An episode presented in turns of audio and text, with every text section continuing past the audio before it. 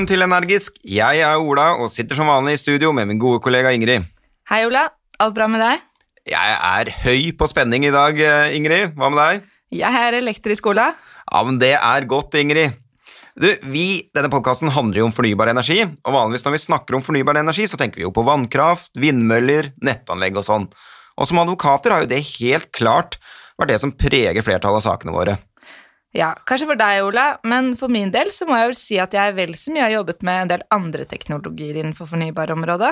Og da tenker du på Innenfor både CCS, hydrogen og også havvind begynner det jo også å skje en del eh, nå, faktisk. Ja, det stemmer det, altså. Og havvind er jo veldig kult. Jeg skrev jo faktisk masteroppgave om det i sin tid. Og Et annet område som vi ikke må glemme i denne sammenheng her, er jo elektrifisering. Og da kanskje først og fremst innenfor transportsektoren jobber vi jo en del med det. Ja, og dette er jo også tema for dagens episode, Ola. Jepp. Nye teknologier innenfor fornybarsektoren. Men vi skal ikke gå i dybden på alt som skjer innenfor de ulike teknologiene. Nei, da hadde vi trengt flere dager for å spille inn denne podkasten. Det får vi heller dedikere egne episoder til hver av teknologiene vi har nevnt. Men det som er en fellesnevner for disse teknologiene, er jo som sagt at de er nye. Og det betyr at det krever mye for at de skal bli såkalt lønnsomme. Og i dag skal vi se litt nærmere på hva dette innebærer. Så har vi selvsagt med en gjest som er ekspert innenfor dette området, og som skal hjelpe oss med å forstå hva som er utfordringen slike nye teknologier møter. Men Ola, før vi ønsker velkommen til dagens gjest, så tror jeg vi må gå litt nærmere inn på hva vi egentlig snakker om her. CCS, for eksempel, hva er det for noe? Ja, det stemmer, Ingrid. CCS er jo en forkortelse for de engelske ordene Carbon Capture and Storage, altså karbon, fangst og lagring. Kort sagt handler det om å fange CO2 som oppstår når man f.eks. utnytter gass, kull eller andre fossile brensler for å skape energi, f.eks. i et gasskraftverk eller i en sementfabrikk. Og Så skal man da lagre denne CO2-en istedenfor å slippe den ut som forurensning i luften. Ikke sant. Og når vi da snakker om hydrogen, så handler det om å bruke hydrogen som brensel istedenfor f.eks. naturgass, diesel eller bensin. Jepp.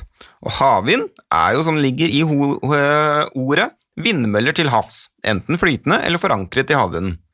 Elektrifisering det handler om å benytte elektrisk energi innenfor fossilt brensel, f.eks. da i elbiler.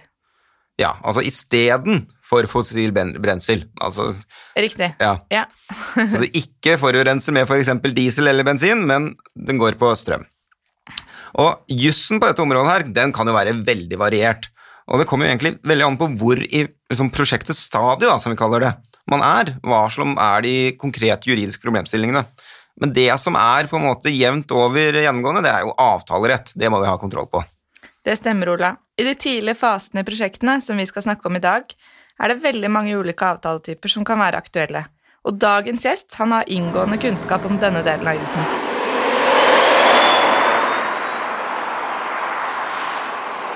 Dagens gjest er partner i Hjorts avdeling for transaksjoner. Han har gått over tre tiårs erfaring med kontraktsrettslig, selskapsrettslig og transaksjonsrelatert bistand til klienter i Norge og utlandet. Han arbeider særlig med bistand direkte til konsernledere og styrer i større virksomheter. Han har et brennende engasjement for fotballaget i Tottenham, og i tillegg så er han spesielt opptatt av fornybar energi og nye teknologier. Han er vår mentor og faglig forbilde. Velkommen, Jørn Uggerud. Takk skal du ha. Veldig hyggelig å være her. Det er godt å ha deg her, Jørn. I dag skal vi jo snakke litt om nye teknologier innenfor fornybar energi. Har du noen favoritteknologi? Altså, Favorittdubbeditten som jeg bruker 24 eh, timer i døgnet, det er jo iPhonen min. Det er ikke så mye sånn energiproduserende i den, men det, det er artig. Det er helt sant. Altså, når vi ser deg på kontoret, så er det stort sett veldig nært knyttet til iPhonen. Men hvis du skal trekke fram da kanskje en produserende teknologi? Energiproduserende? Eh, kanskje hvis man tenker litt av det nye, så virker det veldig kult med offshore flytende vind, syns jeg. Det er på en måte, det er, det er det store kule fremover, tror jeg. Ja, og der skal jo vi som eh, Norge som nasjon bli eh, best i verden. Eller vi er det jo kanskje, men vi skal jo virkelig vise verden at det er det som er løsningen på alle problemer. Det er vel det vi påstår og tror og håper, og at det blir uh, for så vidt ting som vi skal drive med, og det er litt butikk for hele bransjen. Herunder advokatene, kan man si. Men Jørn, kan du ikke starte med å fortelle litt om ditt første møte med energibransjen? Det er lenge siden. Det er jo tidlig forrige årtusen, bortimot. Altså, jeg begynte jo i Hjort i 89, rett fra jussen, egentlig. Det var vel ca. rett før du var født, tenker jeg, Ingrid. Stemmer det. Um, og uh, på den første tiden da, så var det jo en sånn kombinasjon av to ting. Var, vi drev nokså mye med offshore-teknologi, med olje- og gassaker. Mm. Så det var vel en, mye av det, og i tillegg så hadde vi en god del vassdragsjuss. Det var jo slik at vi ja, mot slutten av 90-tallet så var vi sekretariat for LVK, Landssammenslutninga av vasskraftkommuner. Eh, og da ble det mye eh, vanlig skal vi si, vassdragsjuss, konsesjonskraft, altså de, liksom de, vanlige tingene som jo har vært mye av det vi har gjort i Hjort eh, helt siden den gang, egentlig. Men, men, da var det jo på det tidspunktet mye kommuner som var klientene. Nå i de siste 10-15 åra så har det vel i praksis vært ja, mye, mye mer av kraftprodusentselskapene som har vært klienter innenfor vannkraft og vindkraft. da. Så når du altså starta, ja, la oss si starten av det glade 90-tall, så sto du med beina i begge de to viktigste næringene i Norge. Altså du drev med utviklingen av oljebransjen og alle rettssaker som kom der med alt mulig man eh, skjedde, og den gode gamle vannkrafta. Ja, egentlig. Eh, og det var for så vidt en veldig sånn god erfaring å ha med seg, fordi at det var jo det er jo veldig forskjellig. altså Man tenke seg de som eh, på det tidspunktet iallfall stort sett eide vannkraft osv., var jo kommuner og eh, litt annen type klient enn de store oljeselskapene som vi også da hadde samtidig. Men, man lærte mye, særlig av sånn type samarbeidsavtaler, prosjektutvikling og eh, regulatoriske forhold, både innenfor petroleumslovens område, men da også for så vidt på, på, på land. Så det var egentlig en veldig sånn god erfaring å ha med seg, egentlig. Juristen i meg ser jo helt klart linken til det du jobber med i dag, men sånn temamessig så er jo disse er jo ny fornybar energi, altså sånn som CCS og elektrifisering. Det er uh, ganske langt unna god gammel oljevirksomhet. Delvis, vil jeg si. Altså, det er jo, vi skal kanskje litt innom litt forskjellige nye teknologier eh, utover også type havvind, CCS osv. Og, og elektrifisering. men men, men, mye av det er egentlig liksom likt i forhold til det jeg driver med. fordi at det, det vi har gjort i, i disse 30 åra, er i stor utstrekning å være med på større prosjekter hvor det er mer sånn avtaleteknisk, det er avtaleforhandlinger, det er håndtering av IPR, det er håndtering av eierskap, eh, aksjonæravtaler osv. Og, så og den type ting er jo for så vidt forholdsvis likt, litt sånn uavhengig av type teknologi. Men, det betyr at når da vi nå får eh, forespørsel om å bistå de som skal starte et hydrogenselskap, da, f.eks., så er det disse tingene du jobber med? Ja, vi har jo for tiden saker på det, akkurat det. Og, det, blir, eh, det blir akkurat det vi holder på med. Og så kan du si at det som er litt spesielt i forhold til de nye teknologiene, hvis du tenker på hydrogenproduksjon som det, så, så er det klart at det der er det ofte partene har veldig forskjellig utgangspunkt. Du har noen som kan være større og profesjonelle med store ressurser, og så kan du ha noen eh, mindre selskaper og miljøer, gründermiljøer. Eh, og det er klart at det blir ekstra viktig vi kommer tilbake til det, men det blir ekstra viktig at man da har eh, skal vi si for noe, tidlig avtaler på plass, diskusjoner på plass som håndterer hver enkelts interesser, som kan være litt forskjellige, og man må liksom hjelpe til slik at man får en sånn objektivt sett ålreit avtale, rett og slett. Så er, sånn sett er det nokså likt. Ja. For Jørn, felles for mange av disse prosjektene er jo at de er en oppstartsfase. Fra et juridisk ståsted, hva er det som er viktig å tenke på da i, i en planleggingsfase? Altså det, det er egentlig eh, litt, tenker jeg, avhengig av, som jeg nevnte, hvilken liksom posisjon man er i. Typisk så kan det jo være en del av de nye teknologiene, så kan det være slik gründere som er inne, man har en god idé, man kan en, ha patentert noe, ikke gitt det, men man har noe know-how som man har med seg inn. Og for de så vil jo det viktige være at man passer på at man ikke skal si for noe, blir liksom frastjålet på et godt norsk, men at man egentlig sørger for at den uh, innsatsfaktoren man har med seg, for dem da type know-how, at den egentlig på en måte fortsatt vil generere skal vi si, for inntekter for dem, og at ikke de da på en måte går inn med noe slikt, og så er de plutselig etter tre år ute og har fått en liten skjerv, og så føler de egentlig at de nesten har blitt lurt. Nå er for så vidt kanskje ikke så mange eksempler på det, men Men vi snakker her om sikring av rettigheter. Ja, det kan du si. Og da kan man enten partene gjør det i avtale, eller er det avtale man gjør det? holdt jeg på å hvordan er det? Ja, det vil jo være dels som om man gjør det i avtale mellom partene, eller så kan man da tenke seg at man skal ha noe immaterielt rettsvern for det, altså patent, eh, varemerke ja. osv. Men, men ellers er det viktig å passe på at man har tidlig avtale på plass som gjør at man vet at den rettigheten vi har der, den har vi liksom med oss i hele livsløpet til selskapet, og, i, i det, og liksom de kan på en måte få generert rett og slett den verdien, og ikke da at de som har mye penger som kommer inn i dette, det kan ofte være da noen som har større ressurser, at man egentlig har en sånn objektivt fornuftig avtale rett og slett, som gjør at alles liksom, interesser blir, blir, på en måte oppbevart. Da. Ja. En av de største utfordringene som mange har, det er jo også det å skaffe nok penger. Hvordan uh du var jo så vidt innom på det pengene her. Ja, det er alltid et problem, både her og der og hjemme og borte, holdt jeg på å si. Men, eh, og det som egentlig er litt typisk, syns jeg, i mye av disse nye teknologiene som vi er innom, du nevnte hydrogenproduksjon, men det kan være også type småskala CCS-fangst osv., så, videre, så så vil det være behov for offentlige tilskudd ofte, fordi at eh, denne type prosjekter de det er ikke mulig for liksom blårussen å regne seg hjem på dette. Altså det, det, er flere år til en del av disse teknologiene er såpass konkurransedyktig i forhold til andre. Det ti år, ikke sånn fort vekk? Ja, Man tenker jo det på havvind. Nå tror vel kanskje de fleste etter hvert at det går raskere enn det, men, men det er riktig det at det kan være langt frem, og, og da er, av, er, man avhengig av at man har kilder til finansiering som ikke er avhengig av rask avkastning. Mm. Og det er, det er liksom, Penga sitter ikke løst. Men Kan du gi eksempler på hvor, hvor jeg tipper det ikke er Lotto som er den sikreste veien inn for dette her. Det... Nei, altså du, du, har jo I Norge så har man jo heldigvis for så vidt en eh, forholdsvis sjenerøs stat, så man har jo en del eh, støtteordninger. Du har Enova, du har Climit, du har Forskningsrådet og diverse i Norge som som, altså, som Innovasjon Norge og, ja, ja.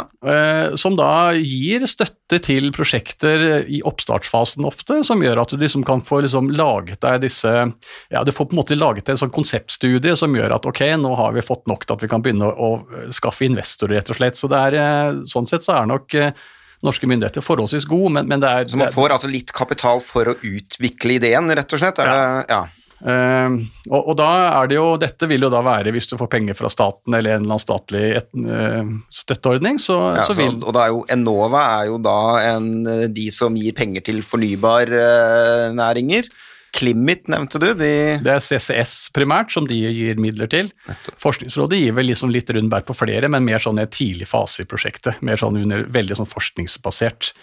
Um, og, det som uh, kan være problemet altså, Det er jo ikke slik at man får 100 støtte noe sted. Så man må ha en egenkapital, og, og selv en egenkapital kanskje på 20% som er kravene i en del av ordningene, kan være tungt nok. Det er Litt rart er det kanskje, fordi at eh, liksom, ja, kan det være så vanskelig ja, du, å få liksom, tak i disse små millionene privat, men, men, men, pengene sitter ikke løst, altså. Og kanskje, særlig ikke nå i koronatiden, så er det kanskje enda mer viktig at uh, statlige myndigheter på en måte ser vi har en rolle for på en måte å få løsnet på en del av disse prosjektene. Men, og da tenker jeg litt, Vi var litt inne på dette her med sikring av rettigheter, men man må, er vel kanskje flere aktører da inn i dette her? Ofte at det er liksom Det er kanskje ikke enkeltpersoner som kan bære alt, men at det er liksom kanskje en enkel person som har en idé, og så får han med seg noen på laget, kanskje investor, og så er det offentlige myndigheter og sånne ting. Uh, og da er det Dette forholdet bør vel kanskje reguleres på en eller annen måte? Ja, ja, da, og det, det som jeg nevnte, at liksom det, det, viktige for en del sånne helt i oppstartsfasen kan være for de som har med en idé, er jo på en måte sikring av rettigheter. Men, men så er det også slik at uh, typisk så må man passe på når man skal inn i noe slikt sammen med andre, så Altså man, jo, man har tillit til hverandre, man har en idé sammen. og, og det, er sånn, det, er jo tidspunktet for å egentlig å diskutere og regulere ting som ikke nødvendigvis liksom, alltid er tenkt å være hyggelig. Altså Man satser jo på at ja, vi skal gå sammen om dette og vi stoler på hverandre, men du er nødt til å ha en eller annen form for juridisk sikring som gjør at du er sikker på at hvis ting skjer, det kan være mislighold, noen kan gå konkurs, noen vil selge, eh, så må man egentlig ha en avtale som er eh, som tenker litt på de eh, tingene som kan skje i et livsløp, og det syns jeg man skal gjøre tidlig altså i prosessen. Men Hva er dette her, vi vil prøve å være litt konkret her, holdt jeg på å si. Er det da en Eksempler på noen avtaler, f.eks.? Ja, altså du vet, det man starter med alltid, det gjør det for så vidt nesten i alle prosjekter, starter man med en NDA, eller sånn non-disclosure agreement på godt, godt norsk. som skal. Fortrolighetsavtale. Ja, det er kanskje det som er det beste, navnet, beste navnet på det i Norge. Eh, og og den, den skal da nettopp sikre at man da ikke eh, misbruker en annens på en måte know-how og, og rettigheter. Det er liksom, men, men den kommer jo da helt tidlig. Ja, det klart, det, hvis jeg da har en god idé, og så vil jeg diskutere den med deg, og så da for å hindre at du da snur deg av gårde og går og patenterer det, så skriver vi under på en sånn NDA. ja, Det er sånn typisk første skritt. Ja. Uh, Og hvis du da gjør det, så kan jeg saksøke deg for masse penger.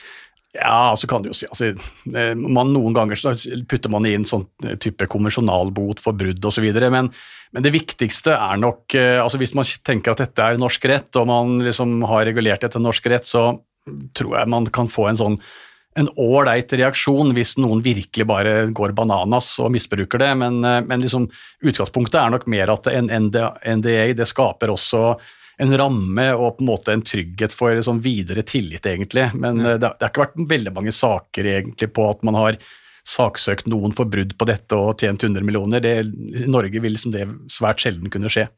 Så det er mer for sikkerhet for at man er, bare tenker at nå er jeg trygg på at jeg kan dele mitt med deg hvis du kommer med en god idé, og motsatt type. Så, så, så, men det er som typisk første skritt da med en NDA. Men, men det er jo bare for å kunne dele informasjon. Og så må man da tenke ja, hva er det nå viktig for oss å bli enige om i veien videre? Og, og der er det vel sånn at uh, mange tenker nå skal det være en intensjonsavtale om videre samarbeid som ikke er på en måte bindende, men som setter noen rammer og kanskje sånn type eh, Vi har en eksklusivitet i tre måneder osv. Og, så og det med eksklusivitet er viktig for at man skal vite at når jeg snakker med deg og motsatt, så skal ikke vi kunne løpe rundt til Ingrid som har et annet prosjekt eller andre penger. Så, så, liksom, så, så det, det å liksom sikre at man snakker bare med den ene er viktig. Men, men så er det liksom tema hva gjør man videre derfra, og da er det rett og slett en haug av forskjellige varianter rundt hvordan man kan regulere det. Men, men igjen, tilbake til, jeg, jeg syns det er viktig at man tenker at man skal lage en avtale som innledningsvis er for ikke veldig omfattende nødvendigvis, men, men den skal på en måte ta inn alle hovedelementene i en avtale for å sikre hver parts interesser. Ja. Og så kommer jo det her med at kanskje så stifter man selskap sammen, eller man kjøper seg inn i et eksisterende selskap, eller ja. Mm, ja, eh, typisk. eh, Og, det, eh, du kan si at det som er det største problemet fremover, og ofte er altså finansiering, er viktig for å bare i det hele tatt ha en idé som man kan selge til noen. Men, men da fra det og virkelig som få ting på, på plass, så krever det ofte store, store ressurser, også økonomisk. Og da må man da eh, enten så har partene det selv, men da vil man ofte være skal vi si for noe, en part som er vant til å inngå denne type avtaler, og de liksom har det på stell. Men hvis man da er igjen en type gründer eller eh, oppstartvirksomhet, så har man jo ikke disse midlene selv, så da må man skaffe investeringer fra enten investorer som går inn med egenkapital, fremmedkapital, lån. Det er ofte ikke så lett, fordi de, ja, de skal ha sikkerhet, og det har man ikke. så det er det å, å skaffe kapital vil etter hvert også være rett og slett noe av det viktigste i en prosess fremover i årevis, egentlig. Ja, ok. Og så er både finansiering og avtale på plass. eh, Og det er på tide å gjøre dette stort og kommersialisere prosjektet. Hva kreves da?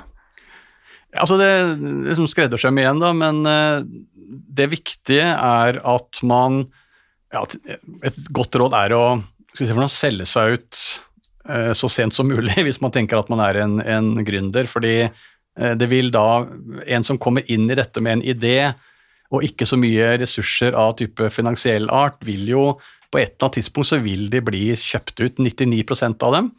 Eh, og da er det noe med eh, hvordan skal du sikre at du da ikke for tidlig blir eh, vannet ut, kjøpt ut, eh, med eh, knapper og glansbilder, kan man si, og at man da kan få være med så lenge som mulig. og det kan man da forsøke å regulere i en avtale som går på i forhold til utvanning, altså at man, at man da kan tenke seg å ha rettigheter i aksjer, man kan ha A- og B-aksjer, man kan ha stemmerett som er større enn aksjeposten kan tilsi.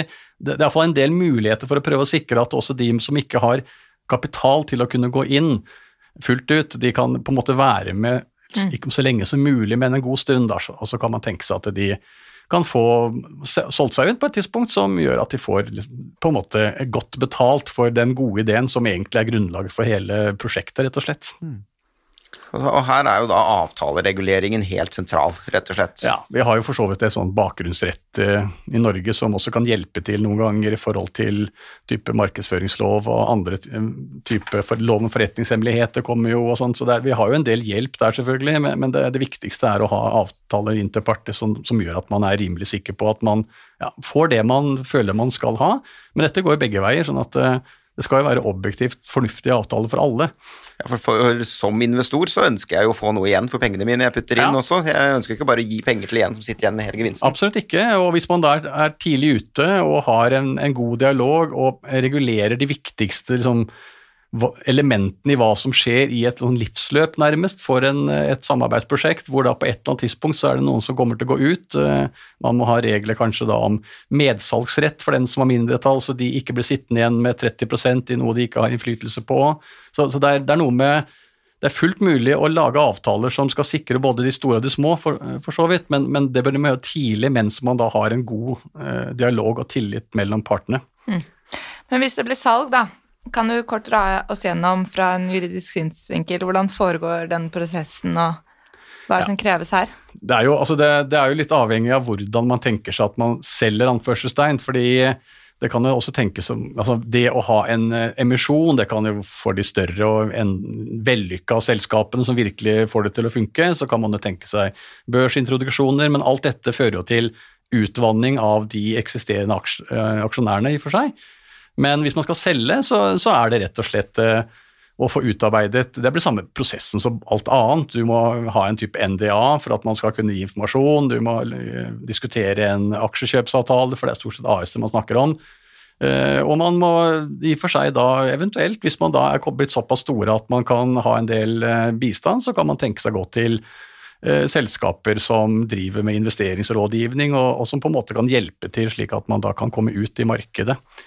Eh, men det vil være sånn typisk eh, helt de vanlige aksjekjøpsavtalene og sånt som på en måte man, man i og for seg kan, kan nærmest kjøpe på nettet, men, men, igjen så er det viktig at man tenker at det her eh, er det nok smart og tidlig å kunne komme i posisjon til å diskutere med rådgivere, finansielle, juridiske osv., så, videre, så man sikker på at man får laget en avtale som, som er best mulig da, for den, den enkelte.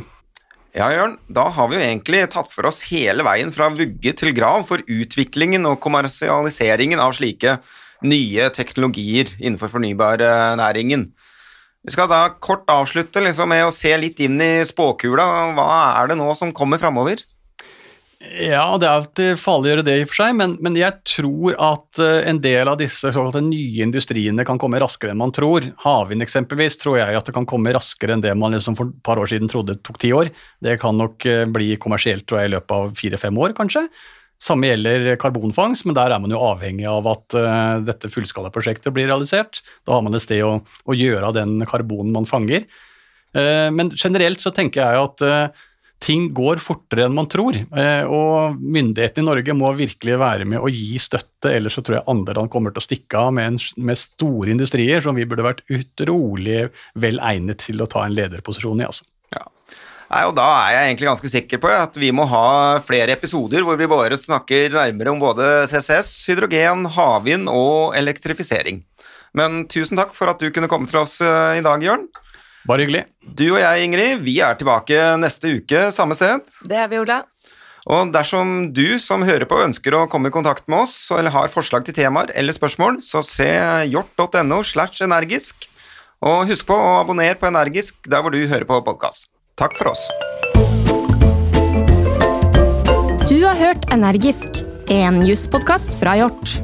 Som ledende på prosedyre dekker Hjort alle sentrale rettsområder med fokus på forretningsjuridisk rådgivning og tvistløsning. Vi har et bredt team som bistår alle typer prosjekter innenfor energisektoren. Klikk deg inn på hjort.no slash energisk og les om våre dyktige advokater og aktuelle temaer.